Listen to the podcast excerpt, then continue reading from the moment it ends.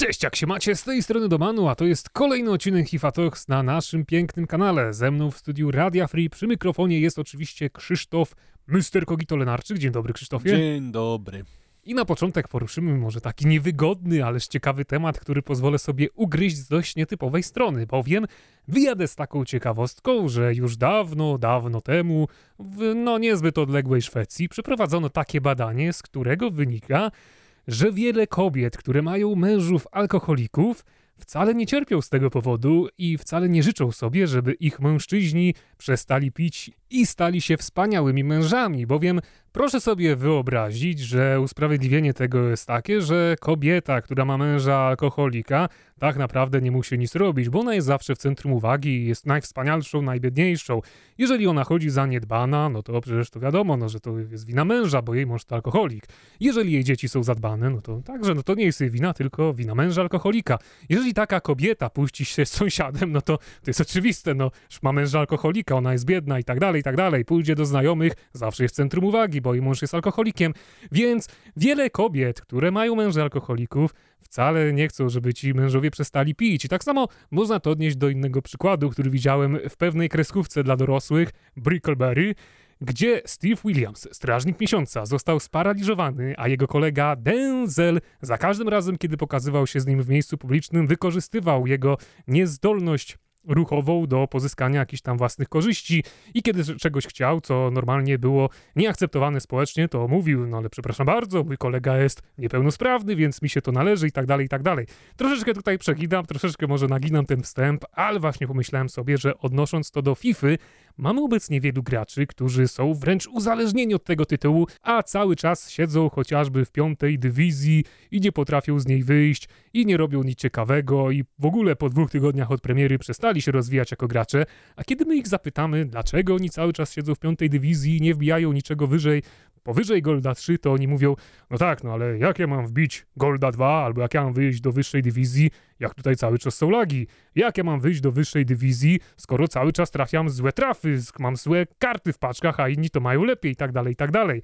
Więc analogicznie zacząłem się na tym bardzo poważnie zastanawiać, bo chyba to jest jednak dość poważny temat, że wiele graczy nawet nie spróbuje zobaczyć, jakie triki są naprawdę użyteczne w FIFA 20, tylko robi co najwyżej ruletkę i berbaspina i nie próbuje się w żaden sposób rozwijać, ale jednocześnie są oni bardzo uzależnieni i regularnie grają FIFA siedząc w tej swojej piątej dywizji.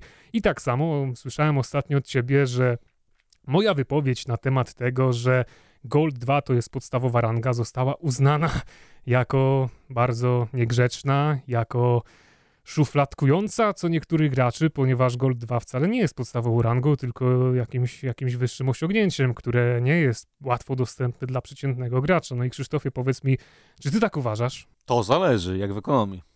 To znaczy? To znaczy, jeżeli ktoś w FIFA gra tylko hobbystycznie. Ale mówimy tutaj o graczach takich, którzy są faktycznie uzależnieni. Ale jeżeli ktoś gra w FIFA tylko hobbystycznie i nawet jest od tej gry uzależniony, powiedzmy w jakimś stopniu, ale y, no nie gra na przykład każdego weekendu albo nie stara się podnosić swoich umiejętności, no tylko po prostu sobie gra.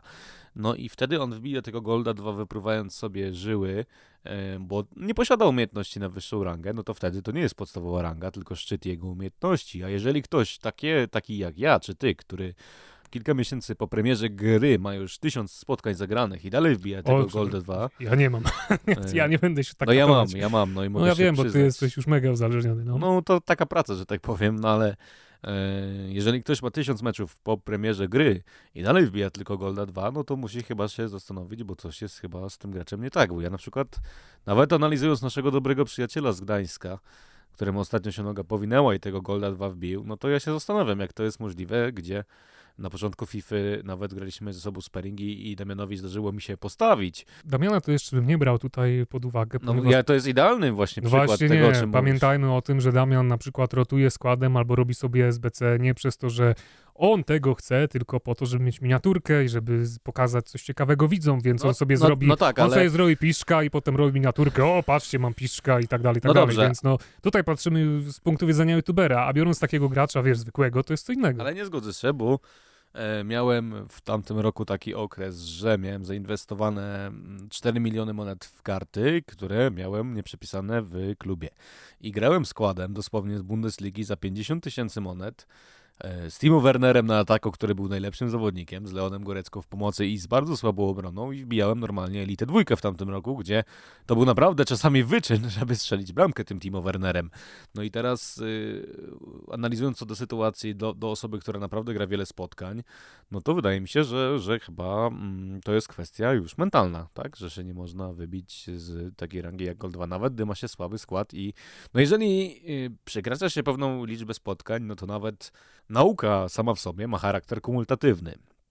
Im więcej o czymś czytamy, czy więcej się dowiadujemy, tym więcej o tej sprawie wiemy i możemy tą wiedzę przekazać innej osobie, całą wiedzę, którą nabyliśmy. I osoba, która, e, którą nauczymy tego, czego się nauczyliśmy my osobiście, powinna teoretycznie posiadać całą tę wiedzę, którą my mu przekażemy. No i wydaje mi się, że tak jest właśnie w FIFA, że im więcej meczów zagramy, im więcej schematów poznamy, im więcej rozwiązań poznamy, tym lepszymi graczami powinniśmy być. Jednak... Ale jeżeli ktoś cały czas siedzi w piątej dywizji i nie szuka żadnych nowych rozwiązań, rozwiązań, tylko bazuje na tym, czego się nauczył przez dwa tygodnie gry, a reszta to jest już tylko to, co on tam gdzieś zauważy i, i, i nie próbuje nawet za bardzo się rozwijać ani szukać nowych rozwiązań czy trików, no to chyba trudno, żeby on doszedł gdzieś więcej, gdzieś dalej. No ale to jest kwestia winy tego gracza. No oczywiście, tylko, tylko, tylko, tutaj się pojawia taka, takie zagadnienie, że takich graczy, jak się okazuje, to może być troszeczkę więcej niż nam się wydaje. Na pewno tak. Natomiast y, prosty przykład. No ja jestem graczem no, tym średnio lepszym, powiedzmy, jeżeli mogę tak się określić. No ale y, no, ty, ty jesteś dobry. No i patrząc nawet z perspektywy mojej, ja przez y, w zasadzie całą FIFA strzelałem w jeden sposób, uderzając głównie finezyjnie. Dopiero jak zagrałem e, Mistrzostwa Świata drużynowe, e, grając dla, broniąc barw AZS-u MCS Lublin, to okazało się, że proplayerzy, z którymi gram, w ogóle nie strzelają finezyjnie. I ja się zacząłem zastanawiać, dlaczego. Pogadałem trochę z moim kolegą właśnie z AZS-u i tak dalej, no i się okazało, że metą tej, tej gry nie jest już strzelanie finezyjne, tak jak było na początku FIFA, tylko siłowy strzał po krótkim rogu. No i jak się okazało, zacząłem strzelać siłowy strzał po krótkim rogu, to y, moja celność z 12 y, celnych strzałów i dwóch bramek na mecz okazała się taka, że na 6 strzałów, gdzie 4 były celne, to 4 były bramki. No i okazało się, że rangi, y, że do tej pory nie wbijałem wyższych rank, czy nie wygrywałem większej ilości meczów z graczami lepszymi od siebie, nie dlatego, że e, oszukała mnie gra, albo był delay, albo był handicap, tylko dlatego, że po prostu nie umiałem strzelać. No właśnie, tylko przy tym twoim, przed tym twoim podniesieniem umiejętności był jeszcze taki jeden element, o którym wspomniałeś, że poszedłeś się zapytać dobrego gracza i stąd się dowiedziałeś, jak teraz wykańczać akcję. Nie, no bo e, tak, y, prosta piłka. Gram z reprezentantem gamingu Meseta Ezila, z Lewem Frederiksenem. Y, on miał bodajże wcześniej na Xboxie nick y, coś tam, Szteren coś tam, nie pamiętam już jak to dokładnie szło, no ale gracz jest generalnie jednym z najlepszych graczy na świecie. No i y, osoba ta nawet kiedyś wygrała turniej na nowy Major, wygrywając finał z Texem. No i osoba ta oddała dwa strzały i zdobyła dwa gole. Ja się zastanawiałem, jak to jest możliwe, podczas gdy moja celność strzałów, nawet gdy bardzo się postarałem, nigdy nie osiągnęła tego stopnia, żebym co strzał zdobywał bramkę. I zacząłem to analizować do tego stopnia, żeby poprawić swoją grę. No i co się okazało? Grając właśnie te Mistrzostwa Świata, dostając przysłowiowy oklep w dużej ilości spotkań, analizując to, jak grają najlepsi na świecie, mój poziom gry w przeciągu dwóch tygodni skoczył no, na, na jakiś niewyobrażalny na ten moment FIFA 20 poziom, bo grałem z, z topowymi Polakami takimi jak Tomek 601, który w turniejach międzynarodowych y, jako jedyny chyba Polak nawet miał 7-0 w Swissie. Wygrałem z nim 3-0. Myślę, że droga jest prosta, natomiast najgorszy i najtrudniejszy w tym wszystkim jest to, żeby dojść samemu ze sobą co się robi źle w grze. Bo oczywiście można zgonić na delay, na lagi, na skład, na wiele różnych czynników, chociaż skład w tej FIFA w momencie, gdy gracz jest naprawdę słaby, nie ma większego znaczenia, ale gdy spotyka się dwóch graczy o tym samym poziomie, to skład ma kluczowe znaczenie, bo wtedy robi największą różnicę. E, można zgonić na wiele rzeczy w tej grze, ale w większości spotkań przegrywamy z własnej winy. I to jest chyba najważniejsze, żeby się e, ze sobą samemu pogodzić, chociaż oczywiście zdarzają się przypadki różne. Tak jak na Twittera czasami wrzucam, jak przegrałem mecz Oli T1, gdzie e, Dembele został tak naprawdę przepchany przez e, Pogba, próbował mu zabrać piłkę, Dembele go przepchał, kopnął w mojego Mbappe, który był w obronie, piłka się odbiła i wpadła do bramki i ten mecz przegrałem ale równie dobrze mogłem zagrać kompletnie inaczej ten mecz, nie dać w ogóle Riverowi dotknąć piłki, strajhardować to na 80% posiadania i pewnie ten mecz bym wygrał. I to też nie jest do końca tak, że ja przegrałem ten mecz tylko dlatego, że on miał to przysłowiowe szczęście. E, tak samo jak zresztą mecz e, w eliminacjach do Ekstraklasy Games z jednym z graczy, który przegrałem, gdzie ja miałem bodajże 12 czy 13 strzałów, a on miał jeden jedyny strzał i jeden jedyny raz wszedł na moje pole karne, gdzie najpierw Essenowi odcięło mózg, później Pique zrobił błąd przy odbiorze piłki, a później jeszcze próbowałem sytuację ratować e, wślizgiem. Natomiast bije do tego, że e, tutaj też trzeba bić brawo takiemu rywalowi, bo skoro on miał jeden strzał, jedną sytuację, potrafił ją wykorzystać, strzelić bramkę i wygrać ten mecz, to brawa tylko dla niego, a gromkie, gromkie e, gromy, że tak powiem, powinny zbić się na mnie, że mając tyle strzałów, tyle sytuacji, nie potrafiłem tego meczu wygrać. Pięknie się rozgadałeś, ale też bijąc do tego, co tutaj mówisz, to i nawiązując do tych graczy, którzy utknęli w piątej dywizji, a są uzależnieni od gry, no to oni by mieli zaraz umówkę, że no, to panie, no, miał jeden strzał, no to gra mu pomogła, no bo tak działa handicap, no i o czym tutaj mówić. Ale jednocześnie ten cały wątek rozpocząłem chociażby z tego względu, że no niestety ostatnio te serwery troszeczkę faktycznie nie domagają. I o ile ostatnio mówiliśmy o tym, że wszyscy mieli delay, no może nie wszyscy, ale zdecydowana większość, to teraz sytuacja odmieniła się na tyle, że jedni mówią, że mają najlepsze połączenie sieciowe w historii, gra się FIFA wybitnie, a inni faktycznie narzekają na to, że opóźnienia cały czas mocno się trzymają. I Krzysztof, powiedz mi, do której grupy ty należysz? Zależy.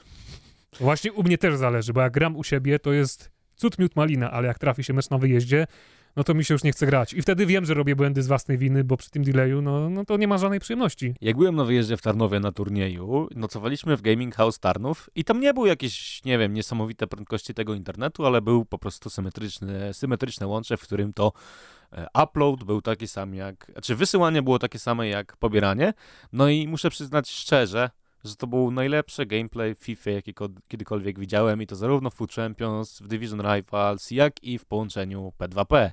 Co mnie najbardziej dziwi, bo wydaje mi się, że y, w połączeniu P2P y, to i tak internet przeciwnika ma największe znaczenie. Ale później wróciłem do domu, zagrałem sobie jeden mecz i nie mogłem piłki prosto kopnąć, no i zastanawiałem się, o co tak naprawdę w tym wszystkim chodzi. Dlaczego na jednym internecie gameplay jest tak absurdalnie szybki, że nie można e, rozegrać akcji pozycyjnej, tylko trzeba wymieniać podania sklepki i bardzo szybko kończyć akcję strzałem, a na drugim e, internecie w innym miejscu w Polsce E, czasami no, mecz jest tak zamulony, że trzeba tę akcję wymęczyć. Fakt faktem jest taki, że w obu przypadkach trzeba te mecze wygrywać, natomiast y, to zależy od wielu różnych czynników i nawet u mnie w Lublinie potrafią być mecze lepsze, potrafią być gorsze, ale najważniejsze w moim przypadku jest to, że zawsze staram się na te mecze wygrywać i nawet mam już opracowane pewne schematy y, zarówno na mecz tak zwany szybki, jak i na mecz tak zwany wolny, bo coś trzeba robić, no nie można się poddawać i załamywać, że, że gracze, cytując mojego dobrego kolegę mistrza Polski FIFA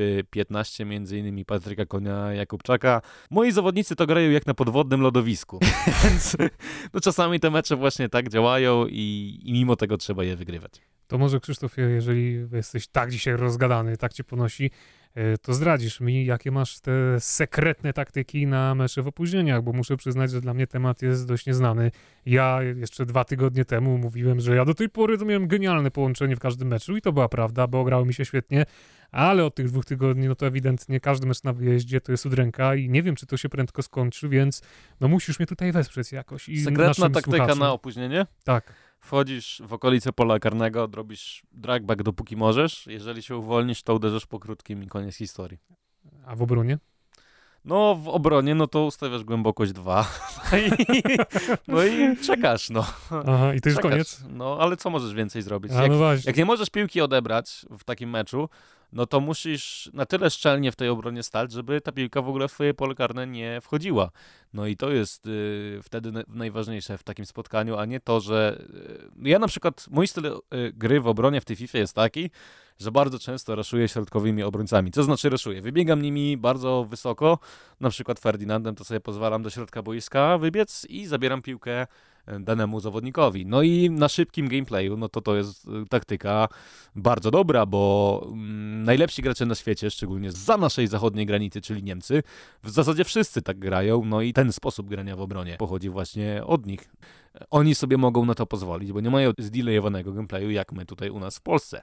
Ale muszę przyznać, że gdy mecz chodzi dobrze, to jest to kluczowe dla całego spotkania. Natomiast gdy mecz działa okropnie wolno i często to jest tak, że kto pierwszy strzeli bramkę, ten wygrywa, no to stoję najgłębiej jak się da. głębiej niż przed własnym urodzeniem, no i po prostu staram się tym eśpedekiem kontrolować podania piłki, przełączając się na obrońców dosłownie na ostatni moment i wtedy to w ostatnim momencie, szczególnie gdy przeciwnik próbuje się kręcić, z, zabrać tę piłkę z, z, tak naprawdę z momentu strzału. I to jest cała magiczna historia grania w obronie. Natomiast jeżeli chodzi o atak, no to mm, tak jak powiedziałem, dragback to jest najważniejsze zagranie w tej FIFA gdy nie działa nam za dobrze gra, bo inne triki, szczególnie na przykład Elastico, gdy jest y, okropne opóźnienie, nie za bardzo chcą wychodzić. Nawet potrafi gałka prawa nie być poprawnie odczytywana w takim meczu. Natomiast dragback to jest na tyle proste zagranie, nawet fizjologicznie, bo to jest machnięcie palcem, e, że bardzo często przez grę jest odczytywany. Wiadomo, że czasem jest źle wykonywany albo jest wykonywany z opóźnieniem, ale wciąż nam daje ten ułamek sekundy przewagi więcej albo trochę miejsca, które ostatecznie pozwolą nam strzelić bramkę.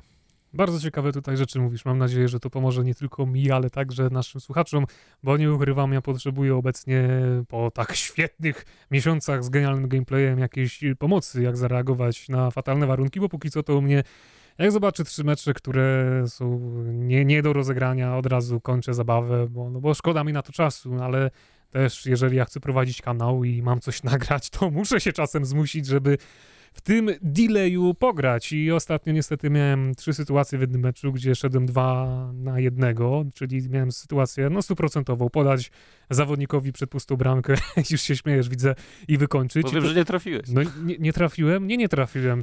Nawet strzału nie oddałem. Nie oddałem strzału. Podanie zwykłe, no gość ma piłkę na nodze i to nie byle jaki, tylko salach i i on machnął obok piłki, jak ona już przeleciała dwa metry za nim. I tak było trzy razy z rzędu i przegrałem mecz. No i, no, i no, niestety, no powiem szczerze, że troszeczkę byłem rozczarowany, bo gość było widać, że jest słaby. On robił niesamowite dziury w obronie i przez to ja wykreowałem trzy sytuacje dwóch na jednego, bo na pamięć rozgrywałem te akcje w tym delayu. No ale co z tego, że ja sobie wypracowałem, jak Salah nie potrafił wbić piłki do, do pustej bramki, bo się w ogóle Ale to minął. też jest właśnie y, twój problem, wracając do naszej wcześniejszej dyskusji, że warunkom, które były w meczu, dałeś się wyprowadzić z równowagi. Ale jak ja się dałem wyprowadzić? No bo miałeś, sam powiedziałeś, trzy sytuacje w jednym meczu i wygrałeś ten mecz ostatecznie? No nie, przegrałem. No właśnie, 2 do 1 przegrałeś ten mecz 2 do 1, a gdybyś zamiast się denerwować... Ale ja się nie denerwowałem, bo po tym... Nie, jak... no ja się wcale nie denerwowałem. Po tym, po tym, nie, bo mnie nie słuchasz. Pada straciłem, ale po... się nie denerwowałem. Nie, ja nie rzucam padem. Po tym, jak ja raz wykreowałem sytuację 2 na 1 i Salah nie trafił piłkę, to stworzyłem jeszcze dwie takie sytuacje, no bo uznałem, że raz nie trafił, bo może handicap czy coś, no ale dwie, przez dwie kolejne także nie trafił, więc no to, to był taki problem. No czasami tak się zdarza, natomiast tak jak powiedziałem, trzeba spróbować się tej niemocy FIFA nie dać i próbować aż do skutku. Czasami to przynosi pozytywne aspekty. Ja nawet w tamtym Food Champions miałem taki jeden mecz, naprawdę masakrycznie wolny, gdzie no Messi to poruszał się jak ciężarówka marki Star. I, i miałem, miałem ogromne problemy w tym meczu, przegrywałem 3-0, no ale sobie powiedziałem nie. nie ma takiej opcji, że ten mecz przegram. Y, ustawiłem ultraofensywną taktykę z pięcioma czy z siedmioma w ogóle napastnikami, gdzie zostawiłem tylko kilku obrońców z tyłu, no i ten mecz ostatecznie wygrałem, więc no, wszystko się da zrobić, jeżeli się chce. Więc też nie do końca jest tak, że delay zabiera nam, nie wiem, 20 porażek w jednym tygodniu i robimy na przykład bilans 9-21 i mówimy, że nie wbiliśmy tam Golda 3, no bo delay nam nie pozwolił, bo jednak wtedy to jest po prostu zwykła wymówka. To już chyba przesadziłeś, bo aż tak to nikt się raczej nie wykręca, ale no na pewno, ponieważ w tym tygodniu nie działo się nic ciekawego na scenie FIFA, chciałem poruszyć chociaż troszeczkę ten wątek delayu i tych podobnych problemów, bo no widzę, że jest to problem wśród graczy, to znaczy nie u wszystkich, bo koledzy z Wielkiej Brytanii mi tutaj piszą praktycznie jak jeden mąż, że w tym tygodniu mieli najlepszy gameplay w historii, ale idąc troszeczkę dalej, im bardziej na wschód, tym jest gorzej. I też jestem ciekawy, jak wy się odniesiecie do swoich ym, aktualnych warunków sieciowych. Czy wam się bardzo dobrze gra, czy może gra się średnio? Bardzo chętnie przeczytam komentarze na ten temat, a my przechodzimy już do kolejnego tematu w dzisiejszym odcinku, którym chyba będzie SBC o Messiego. Messi the GOAT tak zwany, the greatest of all time. Nadchodzi w postaci SBC ocenionego na 96. Jeżeli słuchacie tego w czwartek, no to prawdopodobnie albo będzie za kilka godzin, albo już jest dostępny. Karta niezwykle interesująca z perspektywy rynku, bo e, przez nią pojawił się globalny crash market, największy od czasów FIFA 15. No i w związku z tym mam dwa pytania do ciebie. A, czy masz zamiar właśnie tego wspaniałego Argentyńczyka robić? A B, e, jak myślisz, jakie będą wymagania i ile będzie kosztować? Po pierwsze, no to oczywiście nie robię tego SBC, bo dla mnie najważniejsze jest, żeby mieć monety na koncie. Ja myślę o tym, żeby móc nagrać jakieś tam ciekawe filmiki i składy w przyszłości, więc nie mogę mrozić pieniążków w jakichś tam kartach.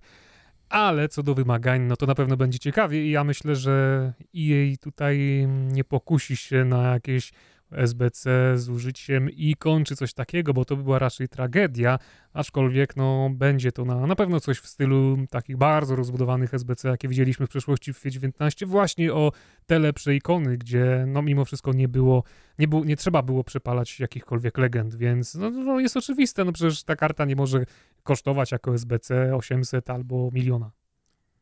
Ale myślisz, że mniej czy więcej niż 2 miliony?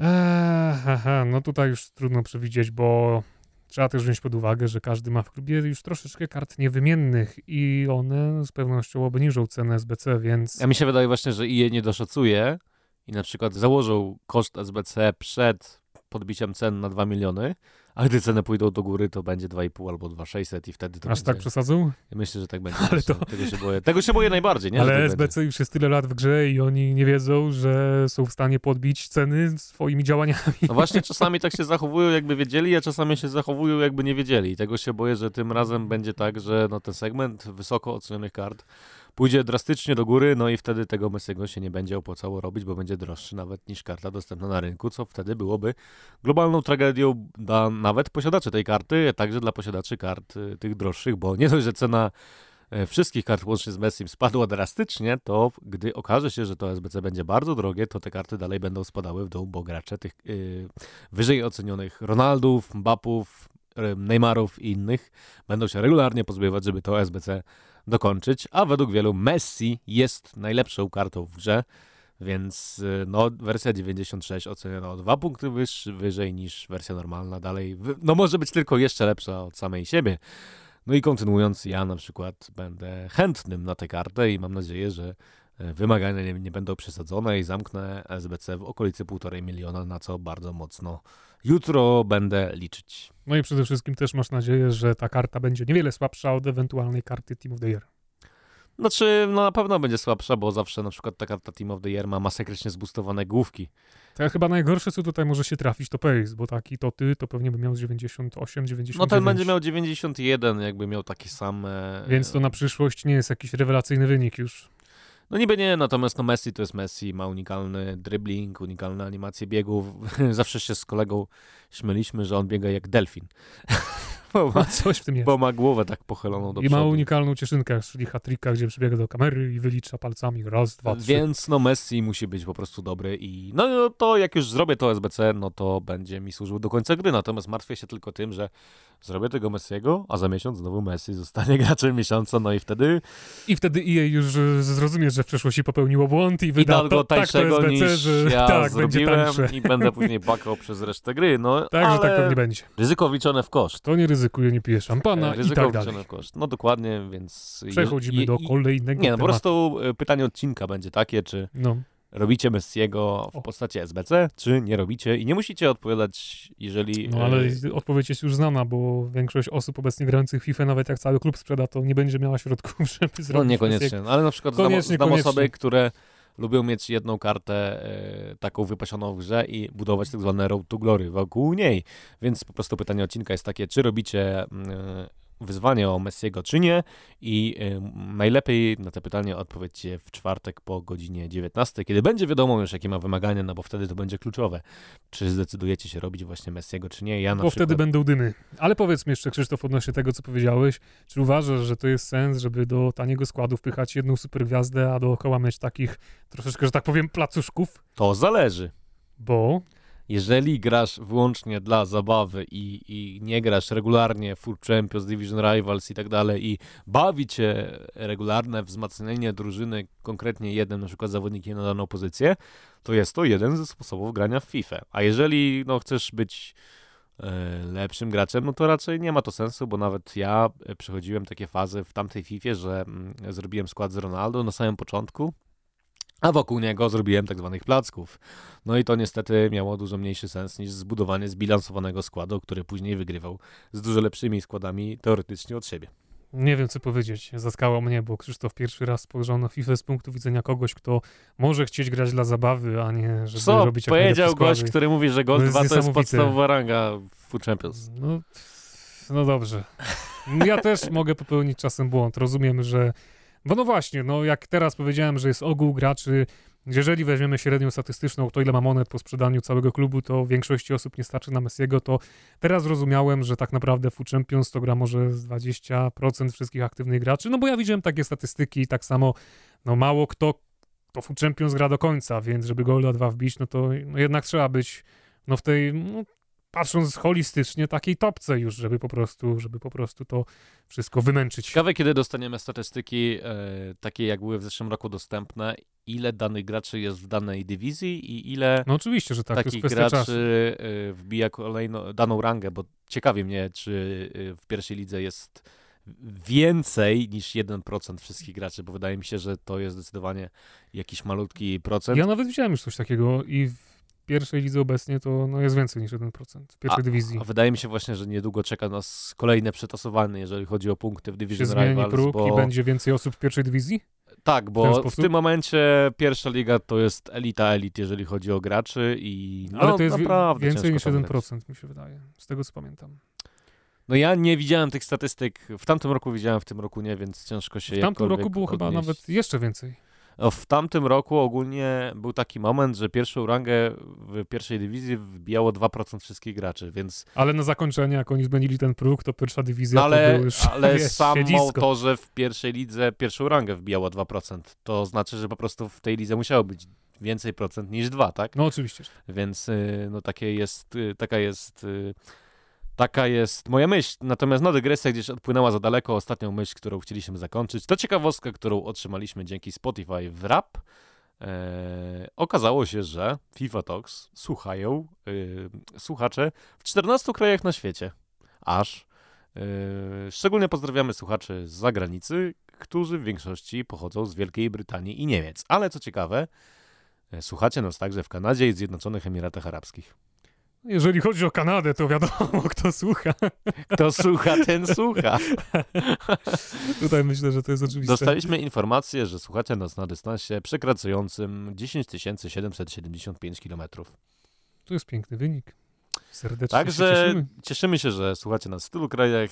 Eee, dziękujemy Wam za ten odbiór i dziękujemy Wam, że, że słuchacie nas na wszystkich platformach, a odcinek, który Wam się najbardziej podobał z całego sezonu, to odcinek dotyczący podatków food, który wyszedł nam e, spontanicznie, podobnie jak spontanicznie wyszedł nam ten odcinek. Na dziś to tyle. Za tydzień usłyszycie świąteczny odcinek z odpowiedziami na Wasze pytania, z, ze świątecznymi życzeniami. Mam nadzieję, że będziecie dość ciekawi odnosić się właśnie w komentarzach, gdzie sobie trochę podyskutujemy o Waszym poziomie, o moim poziomie, e, o tym, co Wam przeszkadza, co Was boli, a co Wam w FIFA pomaga. Może też macie jakieś właśnie fajne schematy na delay, fajne schematy na szybkie mecze i może w końcu Domano się też czegoś o FIFA nauczy nowego i przestanie nam wszystkim tutaj marudzić. Przy mikrofonie był Krzysztof Myster, Kogito Lenarczyk. Oraz Maruda Domanu Don. Na dziś to tyle. Do usłyszenia wkrótce. Cześć!